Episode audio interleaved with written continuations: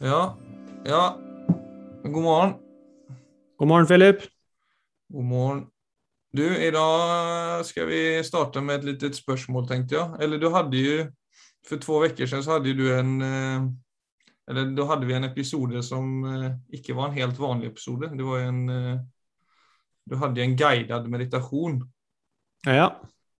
Og i samband med det så fikk vi noen spørsmål rundt just meditasjon.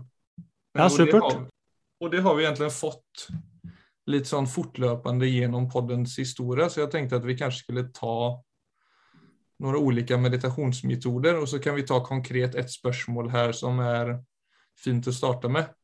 Ja. Hun sier følgende Jeg har i mange år interessert meg for zen-buddhistisk meditasjon. Eh, Jeg har lyttet til samtalene dere har om og om igjen. Det er så fint å høre to menn snakke sånn om hvordan håndtere følelser. Og det er hyggelig å høre. Det syns vel vi også. Vi verker jo ha følelser, tross alt, viser det seg. Eh, og så videre. Jeg har derfor blitt interessert på nytt og lurer på om dere kan snakke litt om selve meditasjonsmetodene. Og da Mm. nevner hun bl.a. det å sitte og meditere med åpne øyne versus stengte øyne. Og om det er greit å switche mellom de ulike metodene. Og hvor mye det betyr hvordan man gjør det. Ja. Eh, og det er jo litt så, da kan det jo være fint å ha en liten slags crash course i ulike meditasjonsteknikker, altså fordeler og nackdelar og hur, hur man også kan komme fram til hva som passer en selv. Og jeg vet jo også at fra mange av mine venner som, som er nyfikne på mindfulness og meditasjon, så er det en viss forvirring i starten, opplever jeg. Altså det der med pusten, blant annet, sitter man bare og puster. Altså at det blir att det kan nog kännas vid första ögonkast lite banalt innan man har satt seg inn i det. Absolutt. Eh, La oss ta spørsmålet først. da. Altså Med åpne eller lukkede øyne så er eh, begge deler eh, helt i orden. Så det, er, eh, det kommer litt an på Det er faktisk noen metoder som sier lukk øynene, andre metoder sier sitt med åpne øyne. Og grunnen til det, det er jo kan man jo sjekke selv. Med en gang du lukker øynene, så kutter vi jo kontakten til synssansen. Og det er jo eh, en av de sterkeste, hvis ikke den sterkeste sansen hos oss mennesker. Så når du kutter den, så kutter du også forbindelsen til en del potensielle distraksjoner. Så det er mange som har opplevd det er mye lettere å få et, altså en form for indre stabilt fokus med lukkede øyne. Men så er det de som sier eh, gjør dette med åpne øyne. Det, og grunnen til at de understreker det, det er at altså De prøver egentlig å si det er ikke noe forskjell mellom såkalt meditasjon og såkalt hverdag. Så ikke kutt forbindelsen til verden. Ikke lav altså meditasjon og hverdagsliv som to forskjellige rom i livet ditt.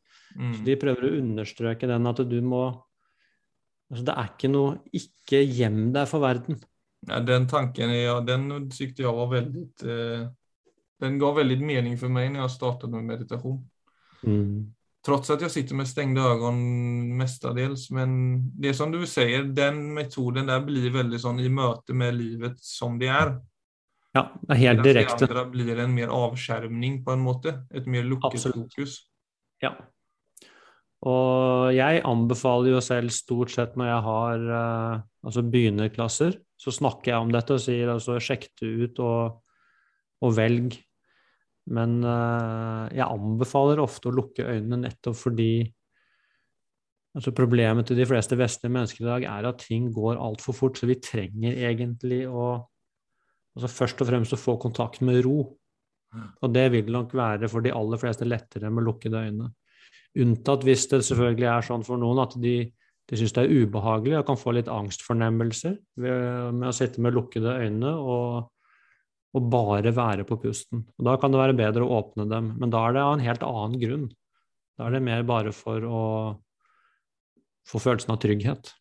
Så det er, det er, eh, vet, Den samme tingen kan gjøres av veldig mange forskjellige årsaker. Så det er greit å vite hvorfor man gjør det man gjør. Hvordan startet du da? Hvor var det din første eller når du egentlig fikk din liksom introduktion i buddhismen når du ble munk der, hva var absolutt første eh, entreen inn i det? Nei, der var, det, der var det helt klart. Altså, metodikken der var lukkede øyne. Så det var eh, Så den første metoden jeg lærte, sånn, og det var jo burmesisk, såkalt burmesisk vipassana, så var det lukk øynene. Og mer, da? Hva var selve meditasjonsteknikken? Nei, så var det da å dette var jo på en sånn ti dagers stille retreat hvor jeg fikk min første sånn virkelig introduksjon til meditasjon. Så da var det to metoder. Så først var det tre dager med Altså hvor det var Hovedfokuset der var å etablere konsentrasjon. Så da fokuserte vi på pusten i nesa. så du, du fant egentlig Altså det var ikke bare pusten, men det var pusten i nesa. Så du av, det var da avgrense oppmerksomhetsfeltet til egentlig bare ett punkt for å trene konsentrasjon. Mm. Og etter tre dager så skiftet vi, og da begynte vi å fokusere på kroppslige fornemmelser. Så skannet vi gjennom kroppen fra topp til tå, altså opp og ned. Så det spilte ikke en rolle hvor du begynte, men la oss si du begynte i føttene. Så kjente du Når du kjente, fikk kontakt da, mellom oppmerksomheten din og fornemmelser i føttene du, du, kan gjøre det akkurat nå, og det kan lytteren gjøre òg. Hvis du sitter på en stol, så har du sannsynligvis føttene dine ned mot gulvet. Hvis du bare plutselig gir full oppmerksomhet til kan jeg kjenne kontakten mellom fotsålene mine og gulvet? Så vil du si ja, det kan jeg jo. Og så vil du se det at det er jo ikke gulvet du kjenner, egentlig. Det du kjenner, er fysiske fornemmelser. Så du kjenner ikke gulvet, du kjenner egentlig din egen kropp. Mm. Så det er fordi at kroppen din da er i kontakt med gulvet, så gir det opphav til fornemmelser. Og det kan vi kjenne. Og hvis du går inn i de fornemmelsene, så vil du se at de er ikke statiske, de, de lever. Og så blir det meditasjonsobjektet. Så med en gang du kjenner føttene dine, så, kan du videre gå inn i f.eks. anklene. Så kan jeg kjenne anklene mine. Og hvis du virkelig er til stede, gir full oppmerksomhet til anklene, så vil du si ja, jeg kan jo det, jeg kjenner jo på en eller annen måte. Kjenner jeg anklene mine? Fint, ok, da er jeg kontakt der. Videre inn i leggene.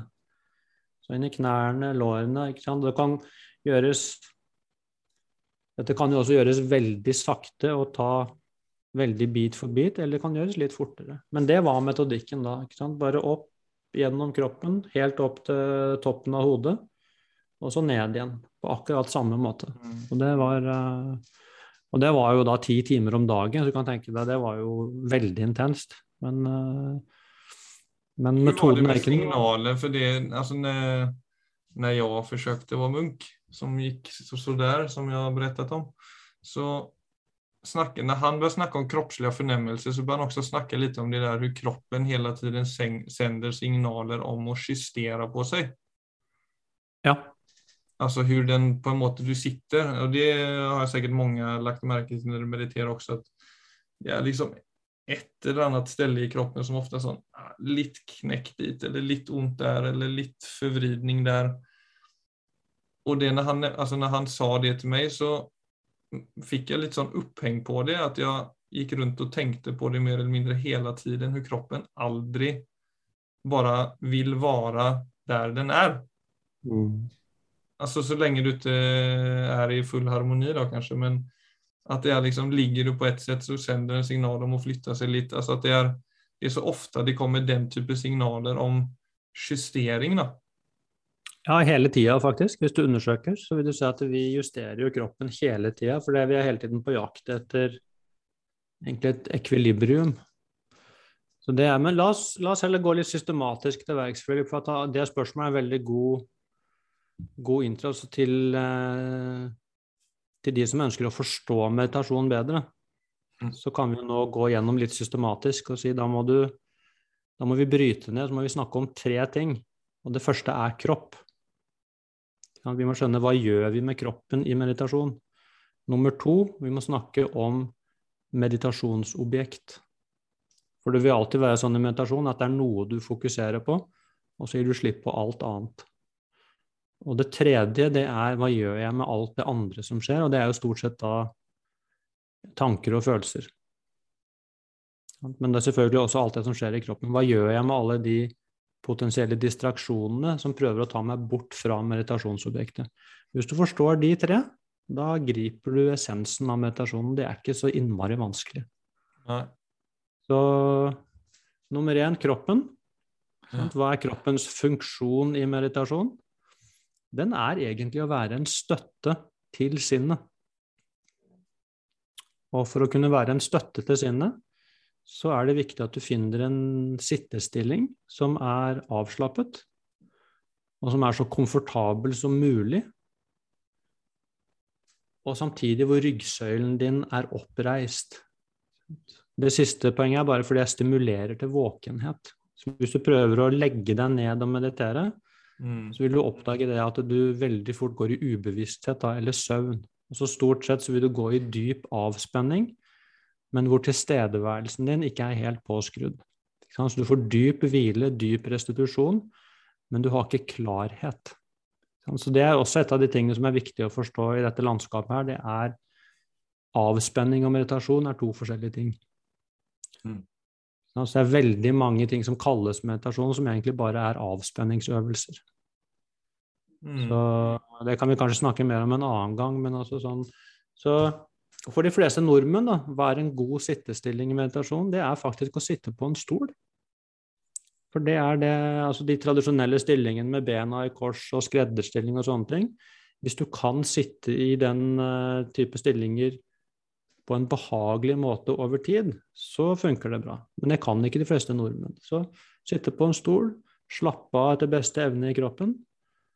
eh, ha naturlig oppreisthet i, i ryggsøylen.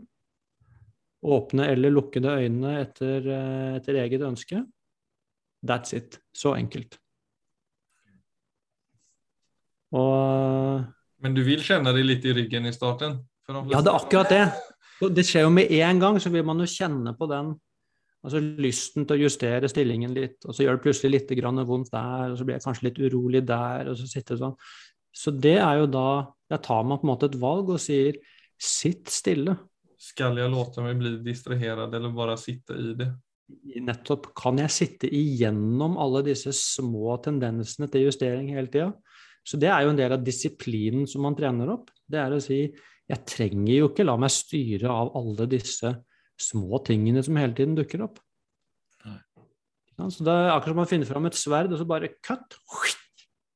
Nå Da sitter jeg bare. Så lenge denne meditasjonen varer, så sitter jeg. Selvfølgelig da altså Hvis det blir for ille, så selvfølgelig så justerer man, men det er noe med den Det er alltid en middelvei. Men det er de fleste av oss vi går mye mer i andre retning. At vi, vi driver hele tiden og skal finne det optimale. Så det er bare sånn Finn en behagelig stilling, og så slipper du tak i kroppen. Det er nummer én. Ja, så etablerer du litt impulskontroll i det der. Nettopp! Og Jepp, det er jo veldig ålreit. For det er jo Yes. För obevisst så leds vi ju med, alltså vi, vi låter oss ledas med av känslor och tankar och impulser gjennom hele dagen uten at vi legger merke til det. Men den Ja, tiden man setter av til meditation, om man da klarer av å legge merke til, eller i alla fall ikke låta seg distraheras av alle impulser som hele tiden dyker opp. Og medit meditation gjør jo det mulig å faktisk bli klar over det, men altså for mange som er midt i livet eller midt i en vardag, så er det så mange ting som skjer på samme gang, eller mye inntrykk, så det kan jo være svårt å orientere seg. Derfor har jeg kjent at den meditasjonen har vært liksom et bra språkbrett for å liksom ikke nødvendigvis hele tiden gå rundt og leve på autopilot. At det kan Mm. sette en standard for hvordan du liksom går videre i dagen eller går videre i kvelden når du nå velger å meditere. Da. Ja, helt supert, Philip. Det er, eh, du vet, det er ganske Altså, du sitter, sitter rett opp og ned, og så dukker det f.eks. opp altså uro. Det kan til og med være en ganske sterk uro. Det er jo en kroppslig fornemmelse. Eller det kan være litt vondt et eller annet sted. Og på autopilot da, så vil vi alltid justere oss. Så det å møte uro eller litt smerte med å si 'Å ja, nå erfarer jeg det', det er jo helt greit. Det er ikke noe farlig. Tilbake til pusten, f.eks. Jeg går helt tilbake til pusten istedenfor å gi det så mye oppmerksomhet. Så gjør du noe som er ganske radikalt. Så der starter jo en form for egentlig selvledelse. Hvor du, hvor du, hvor du sier indirekte til deg selv altså her er det jeg som bestemmer. Ja, det er nettopp det. Det kan virke trivielt, men altså, hvis du gjør denne formen for trening eh, regelmessig, eller kanskje hver eneste dag, så blir det etter hvert en veldig, veldig sterk muskel, som er utrolig fin å ha med seg i hverdagen, selvfølgelig. Mm. Men da har vi det første, det er kropp. Så stikkord er jo da oppreist ryggsøyle, så avslappet som mulig, og så behagelig som mulig. That's it.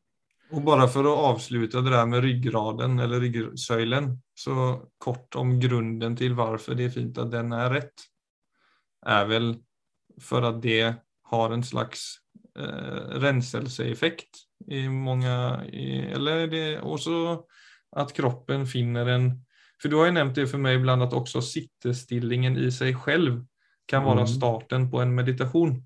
Absolutt. Så det er eh, Det handler egentlig om eh, altså signalsystemet i kroppen.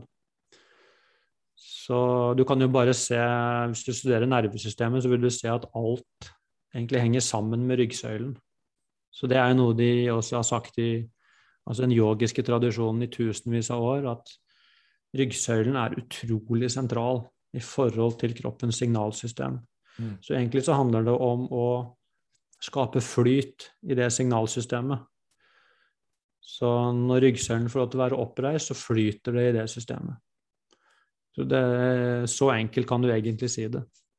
Og den, den, flyten stimulerer da til våkenhet eller til tilstedeværelse. Så det er grunnen til at man sitter da oppreist istedenfor liggende. For det er jo mye lettere for oss å slappe av i kroppen når vi legger oss ned. Men det stimulerer jo ofte til ubevissthet. Det er vanskelig å ligge ned og meditere. Mm. Veldig vanskelig, faktisk.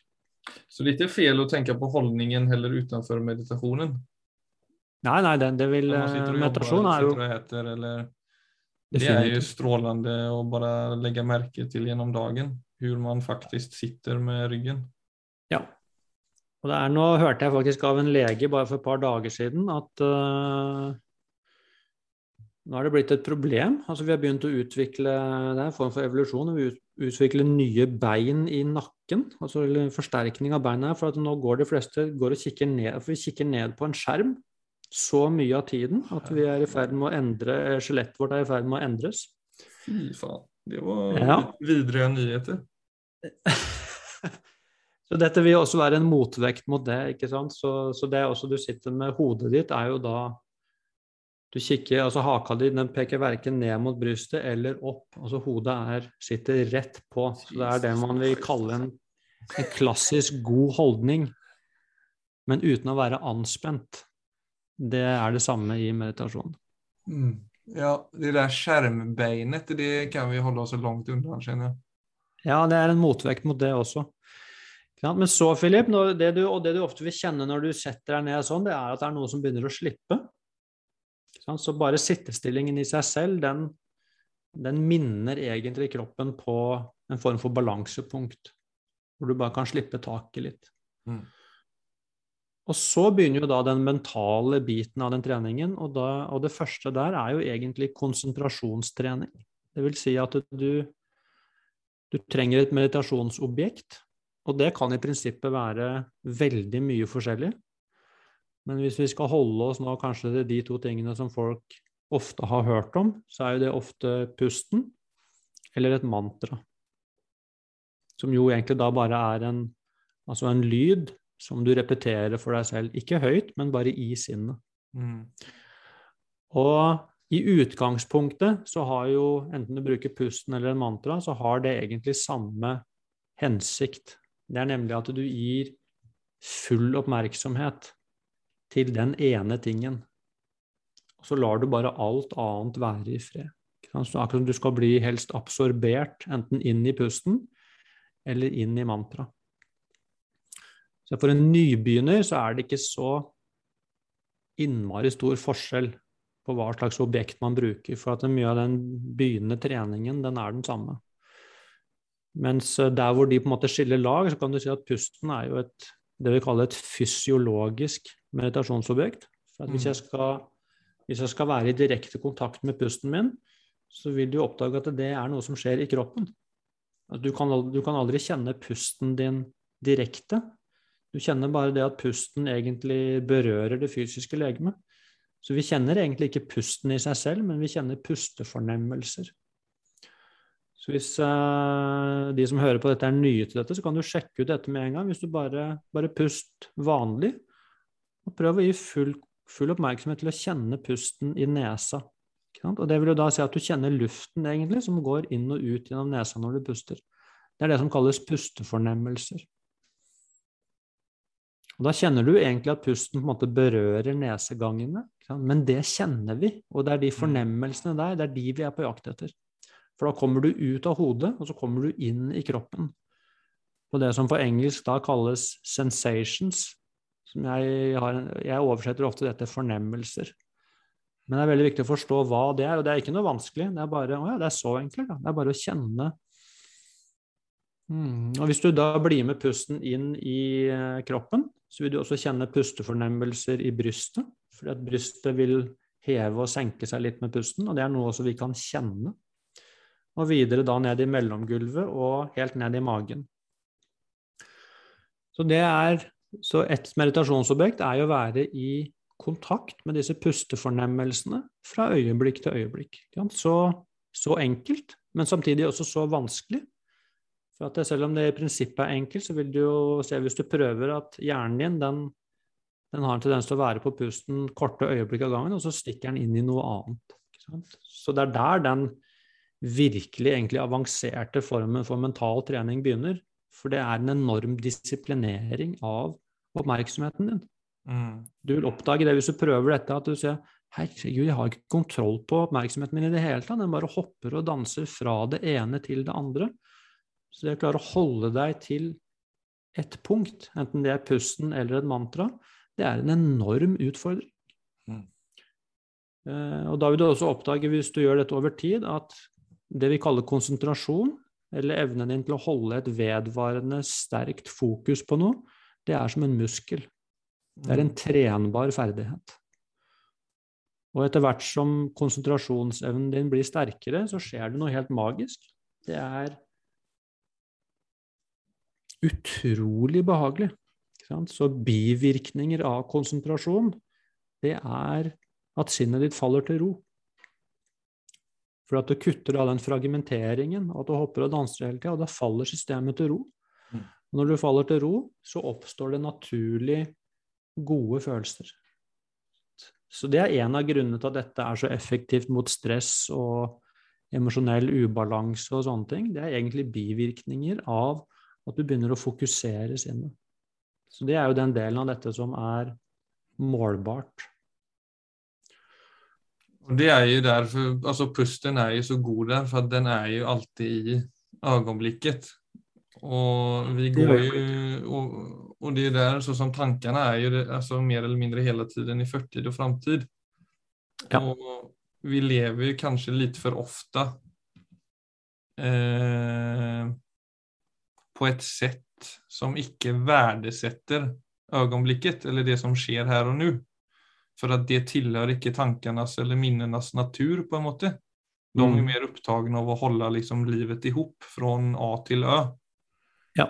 Og det du nevner der, er jo den, den så, så, som jeg har opplevd det, når jeg har virkelig etablert kontakt med øyeblikket, så blir det så sinnssykt mye mer levende enn hva en tanke noen gang skulle kunne bli.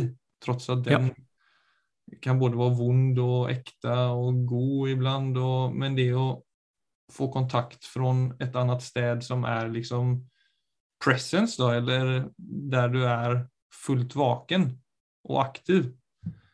Det, jeg skal ikke si at jeg lever fra det, men jeg har jo i alle fall erfart såpass mye at det det er å dra, som du nevnte tidligere, et uh, sverd uh, rett igjennom hele mm. systemet på et vis. Absolutt. For du kutter da egentlig Altså du kutter forbindelsen egentlig til Altså den historien, Ja, det er det tanker og kjensler som liksom henger igjen, eller forsøker kontrollere det som skal skje. Ja. Så vi ser Tankene lager jo egentlig hele, altså et narrativ. Og det er bare egentlig et fint ord for historier. Så, så tankene, de, de kan ikke Altså, de oversetter alltid øyeblikket. Og kan ikke være i kontakt med det umiddelbare, friske øyeblikket. Og det er det man da prøver å kontakte i meditasjon. Det er å slippe tak i alt det som skjer i hodet, og komme seg inn i f.eks. pusten, for at pusten, for pusten så finnes det bare øyeblikket. Man kan jo ikke puste i fortid eller fremtid. Og det er veldig fint det du beskriver, for det er da, du kontakter jo da den friskheten som alltid er der, men som vi i verste fall aldri er i kontakt med. Og når du kontakter da det friske øyeblikket, så vil du jo kjenne oss er som en sånn en frisk pust også som går gjennom hele systemet ditt, hvor ah, er som en fornyelse. Mm. Så det er uh, Så det er også sånne ting som hvis man leser en bok om det, så kan det høres litt svevende ut og litt airy-fairy og sånne ting. Egentlig kan være lett å latterliggjøre det også, men når du erfarer det, så, så skjønner du at ah, det er det de peker mot. Det er en veldig konkret erfaring. Hvor du bare plutselig kjenner at oi, da er jeg på plass. Du kjenner at du er levende. Så det er eh, Så på en måte hvis vi snur litt rundt på det, så handler jo ikke dette Dette er jo en metode, men samtidig så er det, det er en metode som prøver å peke på noe som absolutt ikke er en metode, men som er det som skjer hele tiden. Ja, nemlig det at vi er sprell levende mennesker som er i direkte berøring med eksistensen. Og det er på en måte en eh, Når du kontakter det, så, så går det akkurat som det går et gisp gjennom hele systemet. Du kjenner ah, er levende. Jeg er jo først og fremst levende. Jeg er ikke en vandrende historie. Men jeg er ikke en prestasjon. Jeg er ikke verken god eller dårlig. Jeg er levende. Og det, etter hvert som det setter seg litt i deg, så så gjør det selvfølgelig det også et stort inntrykk på hvordan du opplever deg selv, og hvordan du opplever andre, og hvordan du opplever livet, og hva som egentlig er viktig. For at det Alle de historiene vi har i hodet om det vi tror vi får få til for å være bra nok, det er heldigvis bare tull. Men uh, for å virkelig forstå at det er tull, så må du kontakte noe annet som er sterkere. Og det er det meditasjonen peker mot. Så det er derfor dette er så viktig å erfare, og ikke bare ikke Som teori så har det egentlig ingen verdi. Nei, men det er jo enda så som for mange nordmenn, vil jeg tro, når man er ute i naturen. Eh, det er jo ingen, det er ingen meditasjonsmetod, men jeg tror bare det, bare man, altså bare man liksom ser litt på det, hva som er aktivt når du er ute i skogen versus om du er på kontor, om du er på Eh, midt i en vardag så er det bare noe annet enn tankene som gjør at de føles så godt. Det er ikke tankene eller känslorna fra i går eller oron om i morgen som gjør at du får det godt når du er i naturen. Det er jo det er noe, det jo hele ditt system som kobles på på en litt annen måte. Altså ja. Din oppmerksomhet forankres enklere i den skogen, kanskje litt mer enn det den gjør når du sitter på eh, framfor en skjerm. da. Ja, ja, definitivt. Det er, eh, og det man da helst kan forstå, det er at det var aldri skogen. Det var jo i meg. Det var jeg som erfarte dette. Så det jeg erfarte i skogen, det skjedde faktisk i meg. Så Derfor så er det potensielt mulig å være akkurat på samme måte på kontoret. Det er det meditasjonen peker mot. Mm. Det tilhører ikke spesielle steder. Nei. Det tilhører oss. Så selvfølgelig, man, Det er ikke dermed sagt at man slutter å gå i skogen, men altså, det er noe med det Nei, nei, men det er jo kjempeviktig poeng. ja, Det jeg kjenner i skogen, er potensielt tilgjengelig hele tiden. Nemlig ja. at jeg er på plass. Mm. Så, så Uten å gå to... altfor langt ut, jeg vil bare si en siste sak før du går videre. og det her kan ja. være, Jeg vet jo at det er så mange Men er man helt ny til dette? Du nevnte jo liksom det kan være litt lite abstrakt och det är man helt ny till detta så är det ju det på många sätt. Men just det vi snackar om nu är ju, alltså många kan ju uppleva att du bara är dina tankar. Alltså att du, du har liksom inte ens kommit igång med att etablera en relation till att du står i, står i ett förhåll till dina tankar eller att du står i ett förhåll till dina känslor och att du kan etablera en kontakt på den måten vi pratar om nu. Är det nog man ändå borde säga till den gruppen också som känner liksom att ja men vad är jag? Alltså hvis jeg ikke er mine tanker, altså om du står der på en måte. Mm. Ja, da vil jeg si eh, ta det litt med ro. Så ikke la Gi det litt tid. Men jeg vil jo si, bare sånn for å få inn en liten et lite rom der, så går det an å bare tenke seg altså, Det går an å undersøke selv. Kan jeg observere mine egne tanker? Så vil du se veldig fort at ja, det kan jeg jo. Det er jo tanker hele tiden, og jeg kan legge merke til mine egne tanker når de oppstår. Og jeg kan også gå tilbake og si hva var det som gikk gjennom hodet mitt eh, for fem sekunder siden når Philip sa det? Så vil jeg også kunne si jo, når Philip sa det, så tenkte jeg det. Så det er noe i meg som er i stand til å registrere hva som skjer av tankeaktivitet. Og jeg vil jo ofte si hvem var det som hadde disse tankene? Jo, det var jo meg. Jeg hadde de tankene. Så det er sånn vi snakker om det, så vi opplever egentlig ikke at vi er tankene våre. Det er bare sånn det kan virke noen ganger. Men hvis du undersøker, så vil du se det at Ikke sant? Hvem tenkte dette? Jo, det var meg. Kan jeg egentlig være noe som jeg kan observere? Så vil du si nei, jeg kan jeg ikke. Hvis jeg kan observere det, så kan det jo ikke være meg. Men det skjer jo i meg, ja, definitivt. Så vil du se det at ja, nei, jeg står jo i et forhold til mine egne tanker. Det er sånn jeg faktisk opplever det hvis jeg undersøker. Det er ikke Ikke gjør det til vanskelig, abstrakt filosofi. Det er egentlig forferdelig enkelt. Mm. Det er ikke noe annerledes heller enn kan jeg observere det som skjer i kroppen min? La oss si nå at nå sitter jeg i meditasjon, og så går det to minutter, så kjenner jeg på rastløshet og kjedsomhet og uro. Det ville være ganske naturlig at det dukker opp, for jeg er ikke vant til det. Mm. Så vil du si at det er egentlig akkurat det samme. Dette er noe som skjer i meg. Jeg er jo ikke denne uroen. Så jeg kan si nå erfarer jeg uro. Det er sånn jeg egentlig opplever det. Nå erfarer jeg uro, og nettopp fordi det ikke er meg, men jeg står i et forhold til det, så kan jeg også med litt trening si ja, nå erfarer jeg uro, det er helt greit. Denne uroen kan få lov til å bevege seg litt i systemet mitt. Mm. Og så kan jeg heller sitte bare og være litt med det. Jeg kan sitte og gi det litt rom. Jeg kan begynne å akseptere det istedenfor hele tiden slåss mot det. Og gjennom det så vil du se det at ja, det er ikke sånn at disse følelsene bestemmer over meg.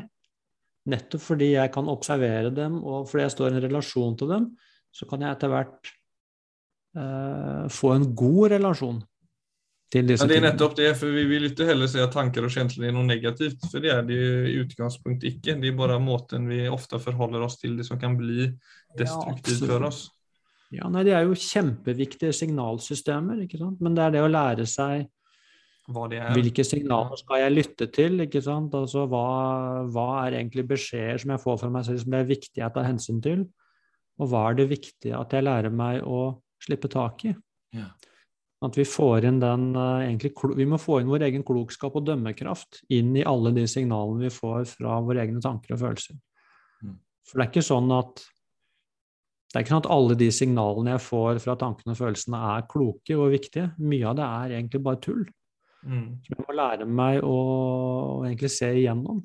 Så det er jo også noe, noe man gjør gjennom meditasjon, nettopp fordi du kikker rett inn. Så du blir mye bedre kjent med hvordan tanke, følelse, kropp egentlig det holder på hele tiden. Og gir deg signaler hele tiden.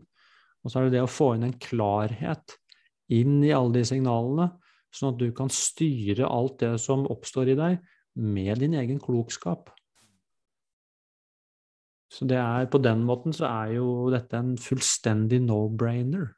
Og det kan, vi, det kan jo være verdt å nevne igjen, at så man også vet eh, det, at uh, varför tanker og känslor kan være som de er ibland og hvorfor de ofte har en karaktär som kanske inte är önskvärd. Och det är ju, som jag varit inne på, just via evolution. Där livet har handlat så mycket om överlevnad och, Mm. och hålla sig undan fara.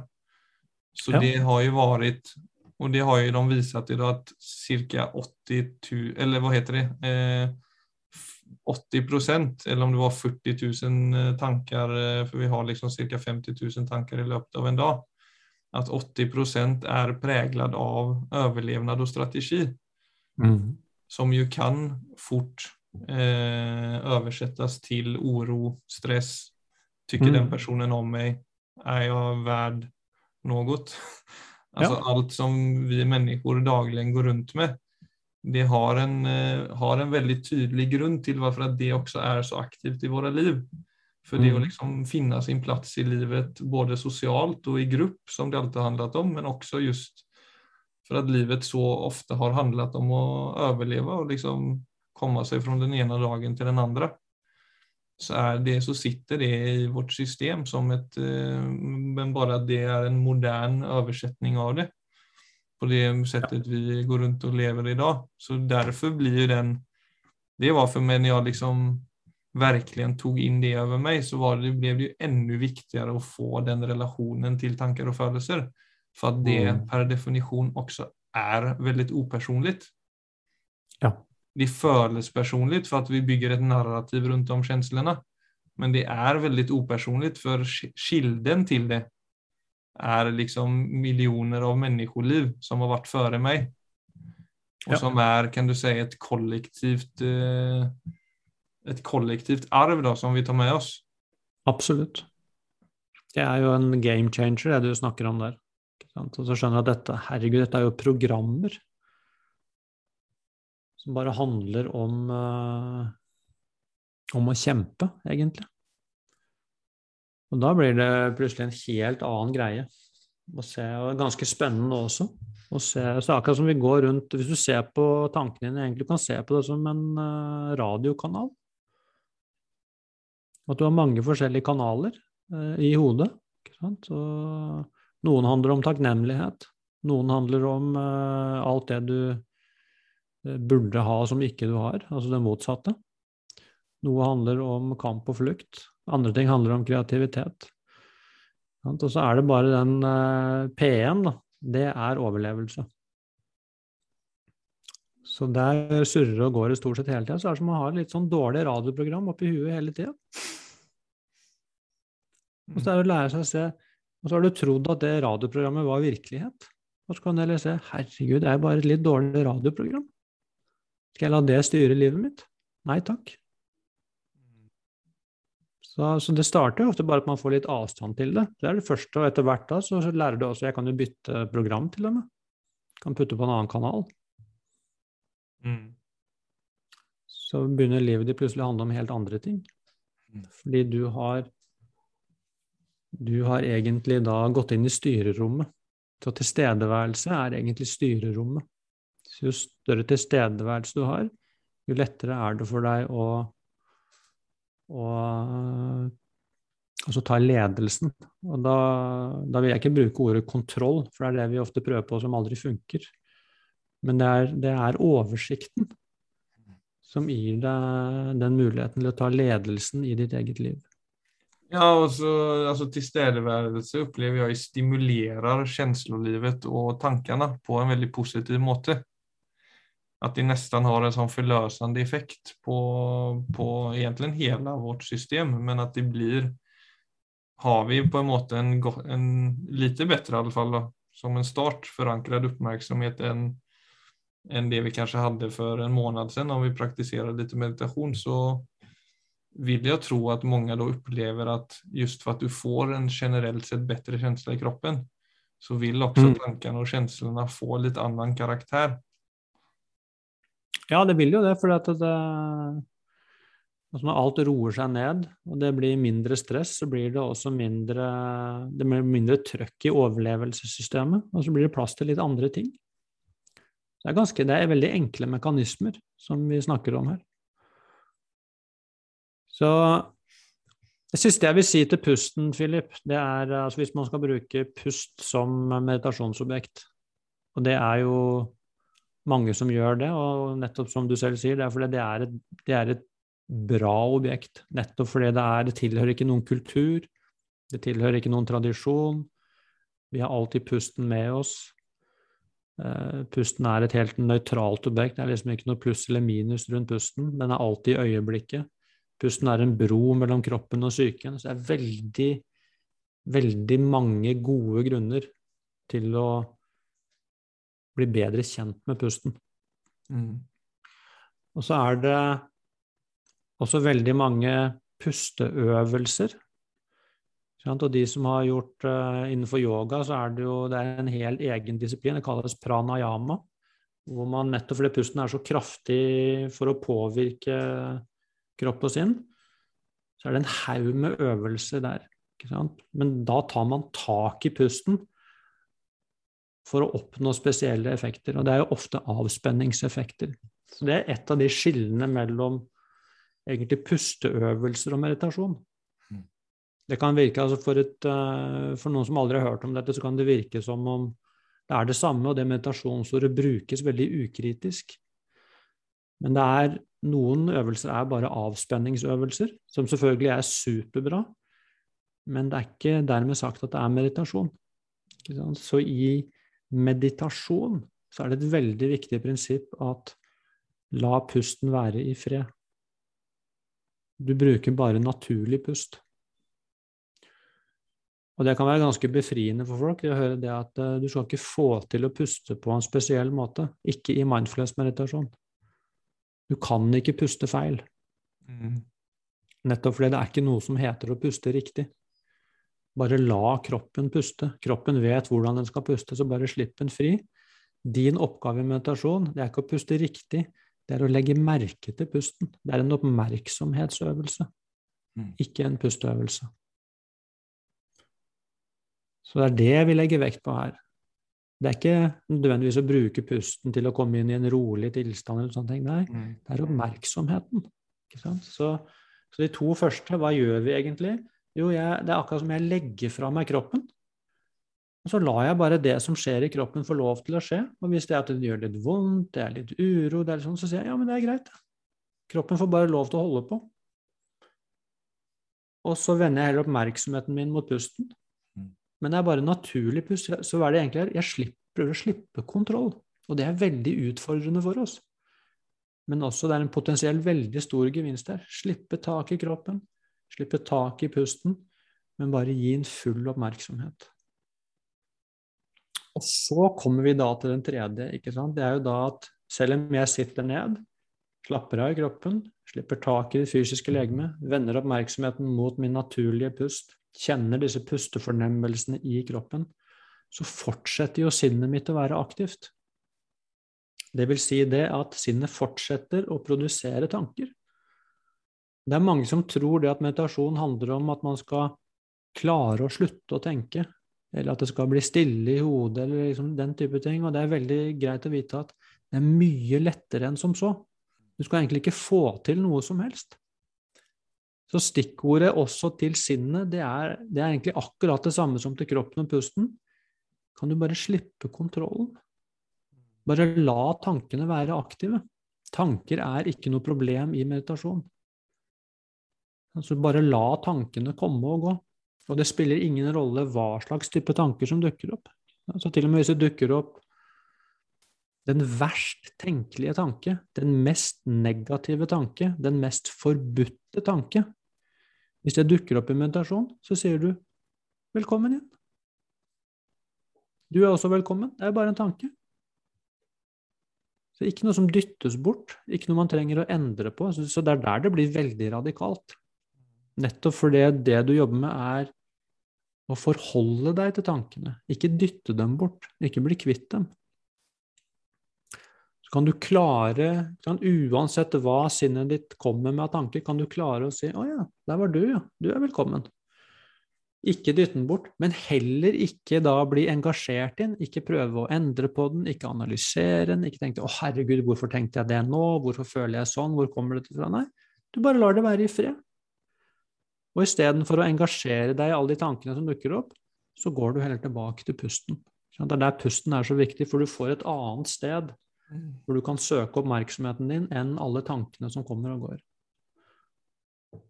Så, og det er der dette blir noe helt annet enn en pusteøvelse eller bare å finne litt ro.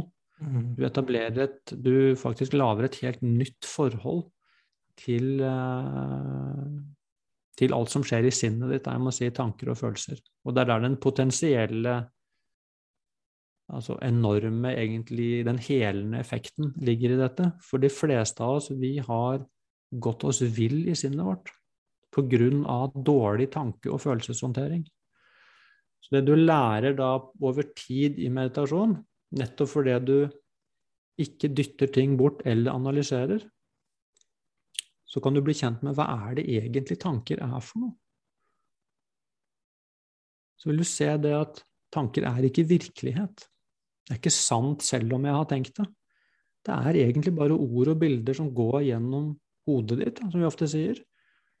Eh, noen ganger i stor hastighet, noen ganger i litt lavere hastighet. Men du vil se tanker de bare dukker opp.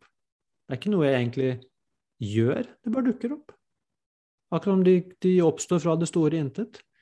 Og så er de på den indre scenen en liten stund, og så forsvinner de igjen. Og det å få øye på den lovmessigheten Jøss, dette er jo bare impulser som måte, de spretter inn i eksistens, og hvis ikke jeg gjør noen ting, så bare forsvinner det igjen. Og det er det samme med følelser. Det er også egentlig bare impulser i kroppen som bare plutselig oppstår.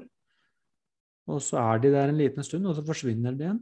Så det å ta et skritt tilbake og lære meg å observere tankene og følelsene mine, det er det man trener på i meditasjon til å begynne med. Det er det første skrittet. Og det som skjer da, er at ting er nødt til å roe seg ned. Fordi du har begynt å gjøre noe som faktisk funker på tanker og følelser. Og kontroll funker ikke. Hvis du prøver å kontrollere en tanke eller følelse, så blir det alltid mer intenst. Hvis du prøver å dytte noe bort, så blir det sterkere. Og hvis du prøver å Når du går inn i analyse og prøver å forstå Ikke at det er noe feil med det, egentlig, men alt du gir oppmerksomhet på den måten, det vokser. Mens det å ta et skritt tilbake og si ok, her er, her er alt velkommen. Mm. Det å møte det å gi det rom, det å møte med aksept, Istedenfor kontroll, kontroll, så vil jeg si at jøss, det skjer noe helt annet enn det jeg trodde. Jeg ble ikke spist opp av det. Det begynner faktisk å roe seg ned. Uten at jeg trenger å flykte inn i noe annet, uten at jeg trenger å bruke noen remedier. Jeg bare sitter her. Det er en fantastisk frihetsfølelse altså når man knekker den koden. For da vil du se det at det er ikke bare det at vi går rundt og beskytter oss mot ytre angrep, men vi går jo hele tiden og prøver å beskytte oss mot indre angrep. Fordi at sinnet vårt angriper oss ofte med negative tanker og følelser. Og det er sånn, hvordan beskytter jeg meg mot de indre angrepene? Og det er jo ofte ved at jeg hele tiden holder meg opptatt. Eller ved at jeg hele tiden distraherer meg. Eller ved at jeg driver og nummer meg med forskjellige ting. Men det å se det Jeg trenger ikke beskytte meg. Jeg kan sitte bare rett ned, ta bort all beskyttelse, og sier ah, det er ikke farlig. Da har man gått et lite stykke inn i dette. Og det er jo den biten som jeg vil si er relevant for alle. For at det vil, det vil bare gjøre at du kan begynne å bruke tid på andre ting. Så dette har med livskvalitet å gjøre, sånn, eh, i hvert fall fra det perspektivet vi snakker nå. Ja, jeg kan jo känner mig väldigt igen. Alltså det är så som när man förtrycker eller när man försöker göra sig av med en tanke och trots att det kan funka för en stund så för min egna del så kan det ofta ändå ligga en liten frykt i att det ska dyka upp igen. Nettopp. Och det är på en måte en ond cirkel som är pågående konstant. Ja. Om man liksom försöker att ja, egentligen icke förhålla sig till tankar och känslor som du är inne på. Mm. Om du gjør alt annet enn å faktisk kjenne at ok, det er bare en tanke, det er bare en følelse. Og mye av det er ganske opersonlig trots at det kjennes personlig. Altså, jeg har jo hatt haft helt eh, ja, som du, som du sa, forbudne tanker. da. Og det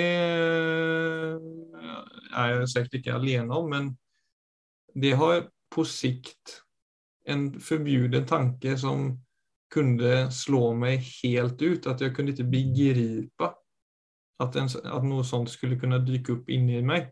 Mm. Av en så hemsk karakter, på en måte. Mm. Mm. Som jeg kunne gå dager med og kjenne at eh, nesten livet er forstørt. Så ille Mm, man har tenkt. Til å plutselig bare se det som en ladning eller noe som har aktiverats fra frykt, som har oversatt til det, eller altså bare at det har, det har med sikt da vid det du sier, og bare akseptere og rymme det uten å fortrykke eller uten å springe ifrån, så Mm. har den laddningen Det har vært en ladning Mm, inne i en setning. Veldig bra. Men den setningen blir stående uten ladning, uten altså at den får utrymme til å få være der, så er det plutselig bare en setning som ikke tilhører meg for fem øre. Mm. Det er bare en eh, I don't know, en eh, impuls, en, eh, en, hva, en hva som helst, ikke sant? Som ikke jeg verken har kontroll på, eller som jeg på noe sett identifiserer meg med. Mm. Ja, og det blir jo to forskjellige liv, eh, må jeg si. Altså? Det du beskriver der, så er jo det første er jo et vanskelig liv, hvor man prøver å kontrollere noe som er umulig å kontrollere. Og nettopp ved å prøve å kontrollere det, så blir det mer og mer intenst, og så blir man egentlig fange i sitt eget sinn. Det er en forferdelig lidelse, egentlig. Og det motsatte, å gjennomskuer å se hva det faktisk er, så ser du egentlig at det du trodde var et monster, er egentlig ingenting. Og da er du plutselig fri til å leve et liv. Så det er jo, det er jo en Akkurat det du beskriver der, det er det jeg egentlig mener er det store potensialet med meditasjon. Det er ikke det å puste seg ned til ro, sånn 10 eller 20 minutter hver dag, og få restitusjon og få en pustepause og Alt det der er veldig fint, selvfølgelig. Men den virkelige endringen, det er å forstå akkurat det du beskriver der. Og i min erfaring så tar ikke det nødvendigvis så lang tid. Da begynner du å etablere et vennskap med sinnet ditt, og se det at det er ikke noe egentlig som heter å bli angrepet innenifra.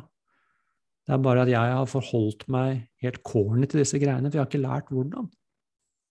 Det er kun et spørsmål egentlig om men dette er en ferdighet. Det er å lære hvordan. Mm.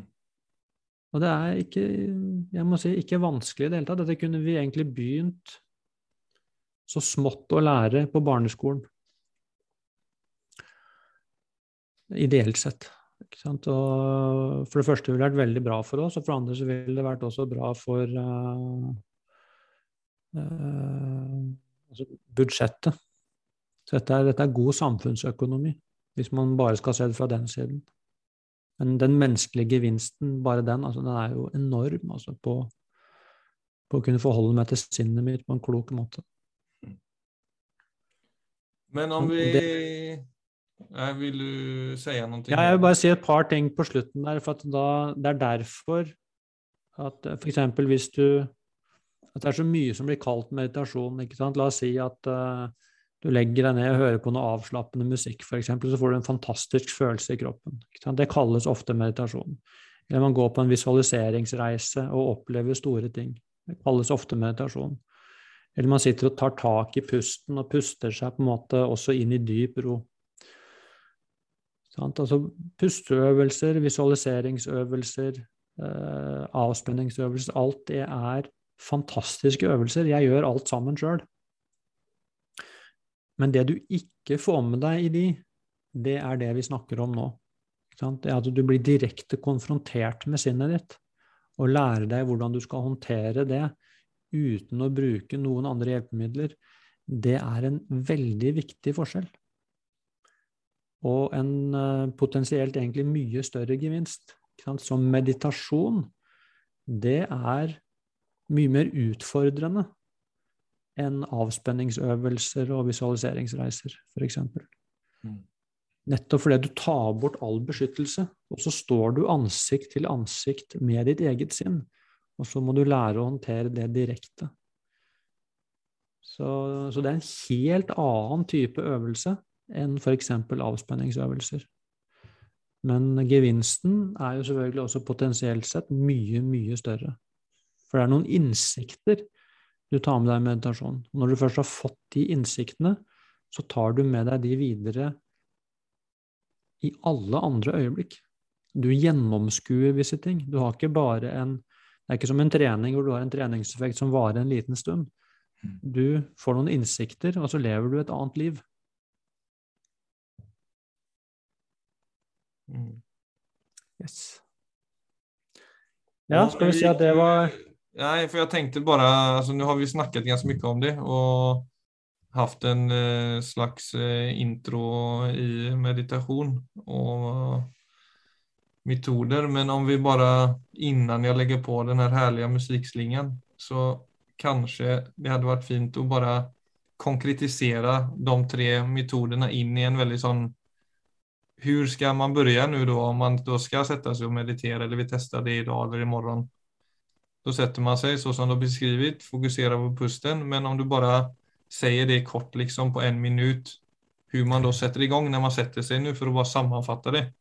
Ja, da ville jeg sagt uh, sett på den lydfyllen som vi spilte inn uh, forrige uke, for da er det en uh, ganske enkel guided meditasjon.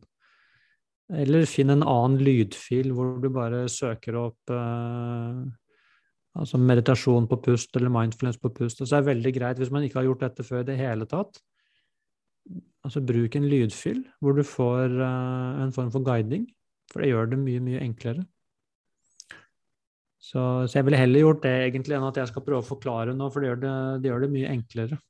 Ja, ok, men bare man finner rett, da. For jeg vet jo det selv at når man søker seg rundt, så er det en, et hav av eh, meditationer. Ja, jeg må jo si da, altså helt enkelt, så er det det som gjør at det, det er nummer én, altså sånn uh, Sitt ned, sitt rett opp og ned på en stol. Slapp av i kroppen med en rett ryggsøyle. Nummer to Finn et meditasjonsobjekt, og gjerne pusten. Og husk, det er alltid naturlig pust, så det er ikke noe du skal det er ikke noe du skal få til eller gjøre. Det er utrolig viktig poeng. Det er bare naturlig. La pusten gå. Vend oppmerksomheten mot pusten. Eh, og også sitt med en åpen oppmerksomhet. Du skal ikke dytte tankene bort. Du skal ikke finne ut av dem. Du skal ikke analysere dem. Bare la tanker komme og gå. Møt dem med aksept. Gi dem rom og gå hele tiden tilbake til pusten. Så oppmerksomheten din trekkes jo ofte inn i tankene. Og så fort du legger merke til at du sitter og tenker på noe, så går du bare tilbake til pusten igjen. Mm. De prinsippene. Og din anbefaling i starten er fornemmelsen i nesen når det kommer til pust? Ja, enten i nesen, eller eh, kan også kjenne det i magen. Det er et godt sted å, å måtte være. La oppmerksomheten falle ned i magen, og bare kjenn hvordan magen beveger seg med pusten. Så det vil jeg ofte anbefale, enten nesa eller magen. Ja, men det er stilig. Jeg kjører magen for at det holder meg Den er i bevegelse, mens nesen er mye mer konsentrert, kan jeg føle. Det er liksom punktfiksering som gjør at jeg blir litt mer uh, innesluten, mens magen så kjenner jeg mer at det er litt mer dynamisk. Så da ja, kjenner jeg at jeg får en uh, litt åpnere følelse i kroppen. Ja, ja, det er riktig det. ikke sant? Så Det er der man finner de mer sånn subtile tingene. Så alle Det er masse små ting man kan gå inn i her. Men, uh, men det er sånn man kan ta etter hvert, så ikke man blir overveldet av informasjon til å begynne med. Ja. Så, uh, så jeg må bare si tidligere, altså dette her Selv om kanskje mange av de tingene vi snakket om nå, kan være sånn komplisert å forstå kanskje i begynnelsen, så må jeg si altså meditasjon som metode er jo utrolig enkelt. Så det er ikke vanskelig. Så det er eh, egentlig bare å begynne å undersøke. Og, og, hvis noen har noen spørsmål til noe av det vi snakket om nå, så er det jo veldig velkommen til å spørre, så kan vi svare på de. Og kjennes det banalt, keep going, sier jeg. Don't give up. Hvis du, hvis du tror det er banalt, så har du ikke forstått det. Nei. Ok, Philip. Ja, nei, da skal jeg tillate oss å gå videre med dagen. Ja. I dag. Takk for i dag.